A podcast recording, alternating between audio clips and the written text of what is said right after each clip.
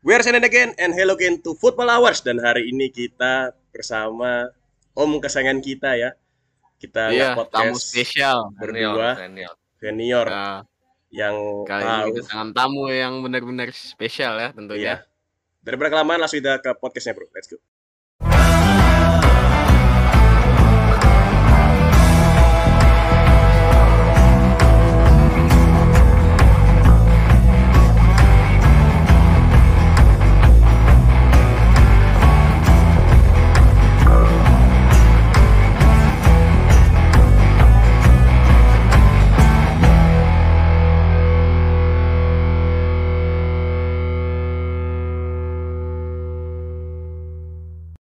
Hello, hello, hello. Welcome back to Football Hours dan hari ini ya kita akan podcast bertiga. Nggak cuman berdua Iya. doang kayak Biasanya berdua doang. Ini Kedatangan tamu ya. ya kedatangan tamu. Kita bersama om kesayangan kita semua yaitu Iya, Om Imron. Oke. Here we Nah, go. Halo, perkenalkan para viewer Eh, para Pendengar. pendengar, oh. Pendengar. Para pendengar pendengar ya. di Spotify. Bukan viewer ya. Iya. Iya. Dan bagaimana kabar Spotify- para Spotify pendengar ya. sekalian? Iya, ini Spotify, Om. Dan bagaimana kabar para pendengar sekalian? Semoga kalian baik. ya kan? Semoga di bulan Ramadan ini ya, yang kalian dengar di bulan Ramadan, semoga puasa kalian gak bolong ya. Iya. Sa- eh, kayak Sebenarnya satu Ramadannya belum masuk ini ya karena satu Ramadan ini belum masuk. dari pengumumannya Departemen Agama Iya. eh, secara Rukyatul Hilal eh, belum kelihatan tiga derajat Iya, iya. masjid kelihatan dua derajat jadi eh, keputusan Departemen Agama guys eh, belum dinyatakan puasa besok Iya. Antara Dari- hari kemarin, eh antara besok atau minggu? Ya antara besok atau minggu Iya. ini untuk yang Nahdlatul Ulama akan tetapi untuk Yang mungkin Muhammadiyah besok ya. jamaah Naksabandiyah ataupun Muhammadiyah yang perhitungan satu Ramadannya menggunakan hisab satu Ramadannya adalah besok Iya, iya. Mungkin seperti itu Jadi buat kalian ya yang suka mokel, stop. Ya, Ya, Nah, stop. bisa Stop jadi mokel. ya bisa jadi ini puasa terakhir kalian. Ya jadi Waduh, stop puasa stop mokel ya. terakhir. Karena belum belum tentu lu ketemu puasa lagi tahun depan, Bro, gitu. Nah, bener. Takut Iya. takutnya udah diinvite Tuhan duluan. Iya, takutnya udah diinvite Tuhan, ya lu gak bisa ngapa-ngapain Iya. gitu, takdir Tuhan gitu. Iya. Ya, Ya, intinya, jadi- ya, teman-teman yang merasa muda gitu kan, teman-teman yang merasa muda, eh, jangan merasa semuanya masih panjang gitu. Iya, Karena iya, iya. Ukuran, ukuran waktu di dunia ini bukan masalah muda atau tua atau sakit atau everything can be happen. Iya, So, everything can be happen. Bagi kalian para pemuda siapkan siapkan perbaiki diri kalian ya kan Iya, iya. baik secara mental maupun fisik agar bisa menyongsong segala sesuatunya dengan lebih baik. Oke, Iya, seperti itu ya. Iya. Itu Jadi- pesan, pesan senior seperti itu. Pesan senior ya, Om yang sudah menjalani berapa Om? 40 tahun ya Om ya? Oh, udah 42 ini. Udah 42 ya? Tapi, fisik kan kurang lebih sama lah sama kalian. Oh, Iya. Eh, iya, Nggak mau kalah lah. nggak mau kalah. Mau lari berapa kilo? Ayo, Bisa, bisa, bisa. mau futsal berapa jam? Sabi. Sabi, sabi. Nggak mau kalah lah intinya om kalian ini kan. Iya. Dan kita tinggalkan eh, omongan dengan tentang puasa ya. Jadi kita akan ngebahas Iya. tentang kenapa sih Indonesia itu nggak pernah masuk atau lolos ke Piala Dunia gitu. Sulit berkembang ya Sulit berkembang. dunia sepak bola kita ini di Indonesia. Iya, Ya, sebenarnya kalau untuk kita nggak usah bicara terlalu jauh ke level dunia ya. Ah, kita sementara kita lihat Asia Tenggara aja lah dulu. Iya, gitu. iya. Kiblat kita kalau untuk Asia Tenggara adalah Thailand ya kan. Iya, Kenapa Thailand maju gitu? Kita mungkin bisa pelajari dari situ ya kan. iya, iya. Kenapa Thailand bisa kita tidak bisa gitu?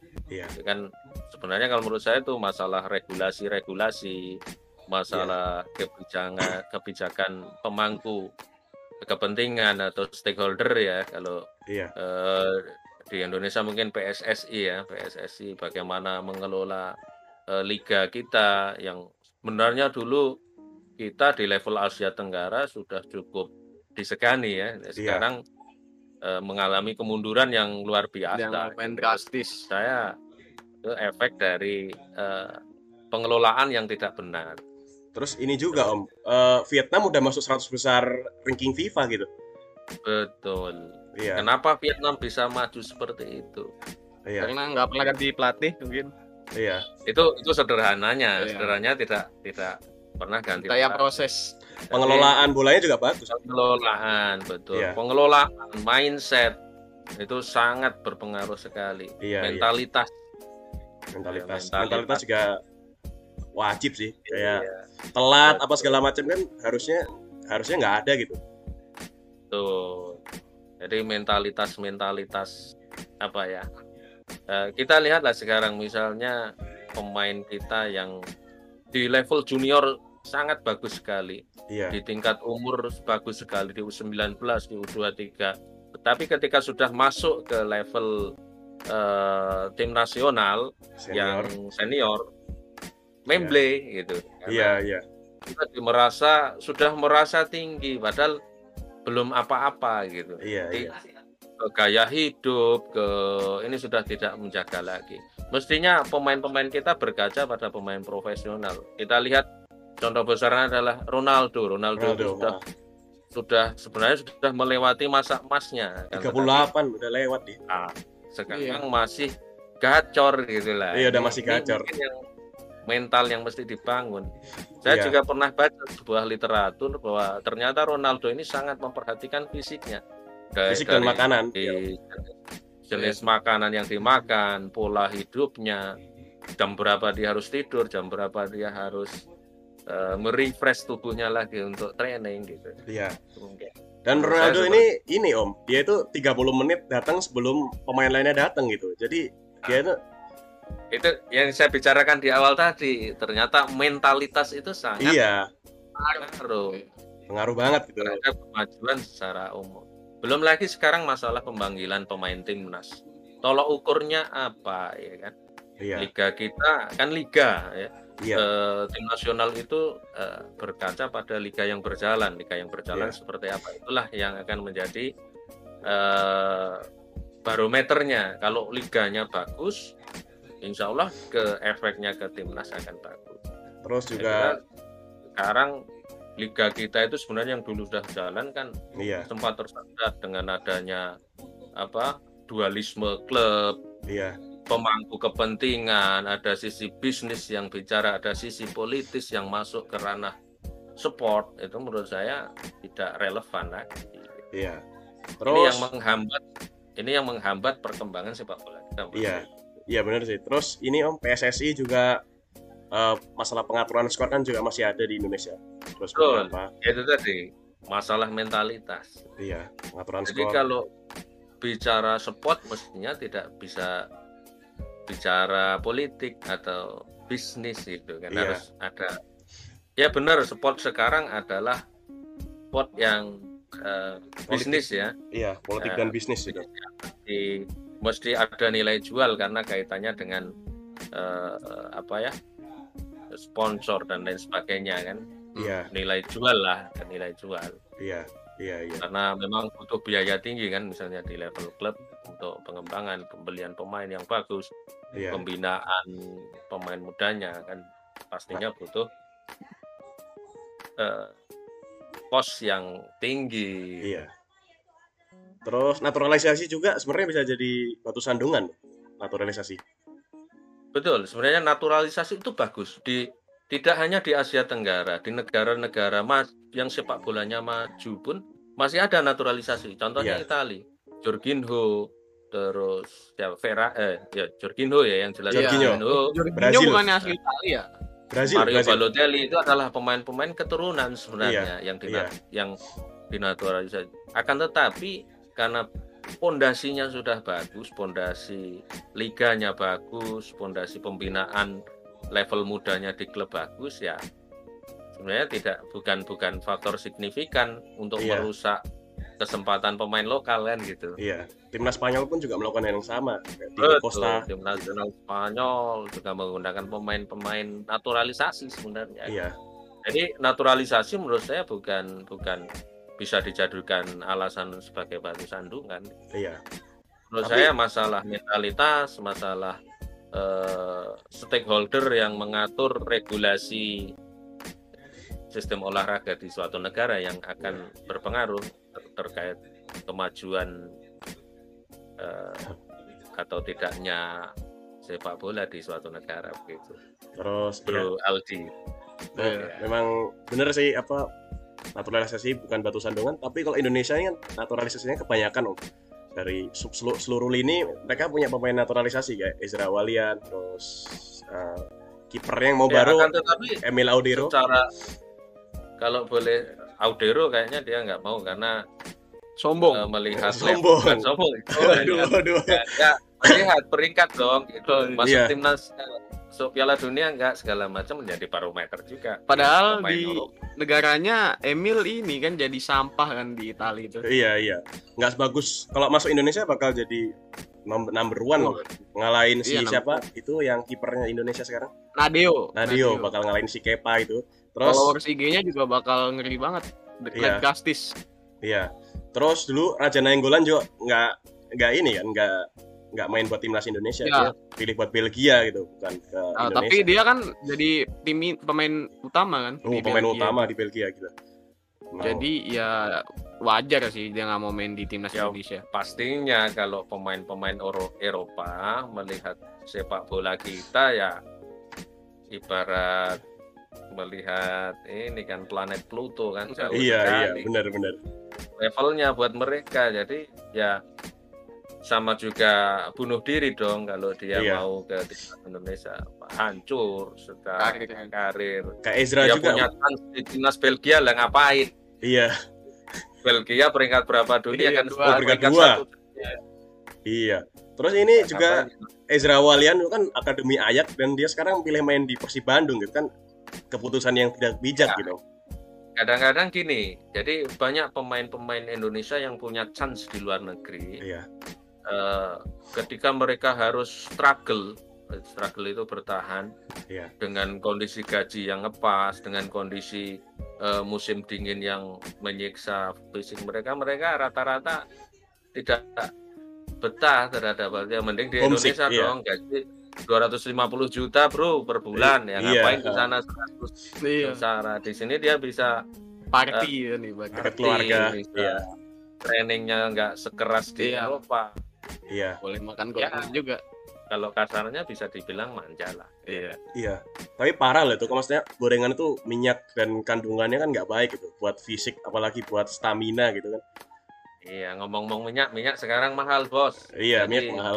Bu- Mega mintanya bagus juga sih kalau untuk perkembangan iya iya bisa. supporter ya. Iya. Minta direbus semua itu saya Lele rebus. Iya. Kolesterol Coming soon Iya. tempe rebus gitu kan. digelar tempe rebus. Iya. Jadi itu juga bisa jadi dampak positif buat sepak bola kita ya. Mengingat gorengan apa Ya. segala macam kurang gitu. Porojok oke lah, porojok. Iya, iya, wajib boleh lah. Iya, lah, porojok. timnas Indonesia juga kemarin juga berhasil masuk ke final dan untuk untuk leg pertama memang mainnya ancur-ancuran gitu. Mereka ngincer ngincer menang gitu kan. Apa ngincer seri Yang lawan Thailand bukan? yang lawan Thailand yang 4-0 yang awal-awal. Oh iya itu. Benar-benar Ya, sebenarnya sudah bagus pondasinya ya. Iya. Dalam artian sudah mulai diusut lagi. Menurut saya Sintayong ini sangat, sangat layak untuk dipertahankan. Iya. Karena yang dia not just only build the physically but mentality. Mentally is-. Ya, Iya. Ya, Terus. Sintayong uh, also uh, build uh, mentality. Iya. Iya. That the most important thing I thought that Iya. we should uh, we should uh, make our character gitu. Yes, yes. Terus ini Luis Milla dulu kan nggak melakukan hal yang sama kayak Sintayong gitu. Ya, setiap pelatih pasti punya pendekatan masing-masing ya dengan analisanya masing-masing. Uh, Iya. kan tetapi sebenarnya Indonesia mestinya bisa konsisten terhadap satu pelatih yang yang yang kira-kira memberi hasil bagus menurut saya Sintayong sangat layak untuk dipertahankan. Jadi jangan dinilai dari satu turnamen terus kemudian Iya. eh, sekali gagal di Depak menurut saya Iya. tidak wise atau tidak bijaksana PSSI Iya. kalau seperti Manchester United ya yang ganti-ganti pelatih tapi masih aja bobrok. Tapi MU ini loh konsisten dulu sama Ole dia nunggu lima tahun. ya, Iya. Tapi Oleh- puasa gelarnya itu oleh- namanya gelar. MU adalah banyak pemainnya yang cedera khususnya pemain belakang Iya. Nah, Maguire belum Waduh. menunjukkan perform terbaiknya itu loh Iya iya. Maguire sampai mati. sebenarnya kalau Varane hidup kemudian Phil ada Jones. Phil Eh, Jones. Waduh. bukan Phil Jones apa eh, Bill Billy Billy Oh, Bailey Eric- Bailey. Eric- Eric, Eric Bailey. Bailey. Eric Bailey. itu cukup tangguh menurut saya Iya. Hanya memang cedera cedera cedera yang lumayan signifikan kan MU ini jadi Iya. eh, mempengaruhi performa mereka di Liga Inggris Iya. anyway Ronaldo cukup gacor lah Iya Untuk- cukup gacor. Dan Erik Ten Hag. kelas masih kurang sih Iya. musim ini. Iya iya. Terus Messi Messi kan kalau dibandingin sama Ronaldo kurang banget gitu. Maksudnya dia kemarin Waduh. atau lawan Real Madrid aja di counter dia jalan kaki gitu. Iya Messi cuman ngukur lapangan dia. Ngukur lapangan dia nggak tahu ya Hmm. kenapa. anyway dia bekas pemain terbaik juga Iya. Messi itu kan sebenarnya eh, pemain yang lagi sakit hati kalau di PSG Iya. kenapa dia tidak perform sebenarnya dia kan secara nalurinya kan eh, Barcelona dia Iya. dia anak yang lahir di sana ibaratnya ditendang kan gitu Iya. menurut Terus- saya pengaruh juga performanya di Fans PSG pun juga nggak suka sama dia. Kemarin aja ini Iya. sampai dibu-bu gitu. Dikatain Iya. gitu kan. Iya. Iya. Itu juga ya ibaratkan orang yang lahir dari kecil di Barcelona gitu kan dia Iya. keluar gitu kan. Ah. Bukan Kalau Messi di Barca seburuk-buruknya Messi nggak bakal dikatain sama fansnya sendiri sih. Iya iya. Karena Messi ini godnya Barca banget. Maksudnya dewanya Barca Oh. banget gitu. Dewa banget. Iya. Bener-bener. Terus ngomongin timnas Indonesia udah ada beberapa perkembangan ya dari dari beberapa, beberapa aspek. Kayak udah maju ke final lagi itu udah bagus itu. Iya. Wah udah bagus banget. Tapi bosen banget sih ya, kayaknya. tapi musim final 19 terus. kemarin kena pantai juga Nah Iya. iya sih. Soalnya nggak jadi masih menurut saya belum stabil masih naik turun Pemain muda. Iya, karena pemain muda mentalnya mereka belum belum belum terbiasa main di eh, pertandingan sebesar final gitu. Iya. Iya. Mungkin itu aja Sama sih. Thailand diajarin ini banget kan, diajarin, Diajarin main bola main gitu. bola. Iya. Iya, passing yang bener terus counter attack yang bener. Iya. Iya, crossing apa segala macam mereka bener-bener rapi sih si si ya menurut Thailand ini. pemain-pemain pemain-pemain Thailand lebih lebih punya brave gitu lebih punya karakter kemudian Iya. Eh, kita lihat siapa pemain bintangnya yang main di Liga Jepang di Thailand. ya Oh, Terasil, itu yang main di Terasil. Oh, Bukan, Terasil bukan kan. Terasil. Bukan Terasil. satunya yang pendek yang jadi man of the match di final Main Siapa main di ya? Leicester ya, main di Leicester, main di Leicester City. Leicester City. Iya. Supacok ya bukan Oh, satunya Supacok. satunya Bukan. Supacok yang nomor 7 ya yang nomor 10 Yang nomor 10 itu pokoknya itu bagus. itu. ya itu itu main di liga dia adalah salah satu pemain terbaik Asia Tenggara dan berani bermain di luar negeri dengan konsisten gitu. Iya. Dan ini apa Thailand ini meskipun udah ibaratkan udah lulus ASEAN tapi dia nggak bisa di AFC gitu. Dia belum berani lawan kayak Jepang, Arab Saudi dan Australia ya apa segala beda macam. level, Beda level. beda gitu. level Mas. ya karena level Asia Tenggara kalau dikomparasi ke Asia ya masih di bawah Asia Tengah Asia Selatan Iya. kita Asia Tenggara memang eh, secara karakter masih jauh di bawah. Akan tetapi kalau kita mau konsisten, kemudian benar-benar eh, regulasinya bagus, benar-benar serius, PSSI serius, Insya Allah eh, bisa lah. Harus Iya. harus kapan lagi gitu, kapan lagi Indonesia bisanya kalau nggak sekarang kan. Iya. Harus berkaca dari Jepang juga. Jepang, Betul. Korea Selatan mereka udah lolos ke dunia itu udah mereka udah hebat banget. Akan tetapi kita memang dari sisi fisik ya, sisi. Jadi Kurang banget. Kalau paru-paru itu punya VO2 maksimum namanya FO2 max. O2 Jadi Max. kadar paru-paru dalam kadar oksigen dalam paru-paru atau kadar oksigen dalam darah pemain Asia Tenggara itu memang di bawah rata-rata pemain Eropa Iya. atau Asia Tengah gitu. Jadi Iya. juga sangat berpengaruh. Dulu jadi pernah ada studi tentang physically. Jadi eh, waktu itu zamannya Yaris Riyadi PS Persib Bandung ya. Iya. Jadi ketika di tes tim nasional itu mungkin sekitar tahun 97 98 ya. Yang lolos FO2 max-nya itu hanya satu pemain Waduh. yang standar Iya. Asia Tenggara Asia yang standar Asia Satu itu pemain. namanya Riyadi kalau itu mungkin kalau di zaman kalian sudah old ya Lord Atep bukan sih? bukan bukan, Lord Atep itu bukan Lord Atep. Itu mah Lord beneran itu. banyak itu Oh iya. Iya. Yaris Riyadi ada Ricky Yakobi ada pemain-pemain hebat masa lalu Iya. Oh, iya. Harusnya sekarang juga harus ada riset eh, riset juga gitu tentang ya ada Kadar- atau siapa dulu kan kalau paru-paru. Iya. Gitu. Iya. Itu aja sih yang bisa ya kita anyway bahas kita, kayaknya. kita harus tetap berharap ya anyway Iya, kita tetap Kita harus berharap optimis. timnas kita eh, ada progres yang signifikan gitu. Iya. Walaupun masih tertinggal jauh, kita harus Iya. eh, step by step harus maju ya kan. Iya. Kayaknya itu aja sih yang bisa kita bahas Om. ya karena Iya. sudah Oke. masalah waktu al waktu 20 menit Iya. ya Lumayan lama juga. lumayan ma- lama juga. Oke, video kita we are signing out and bye bye guys. Bye guys. Bye guys. Bye guys.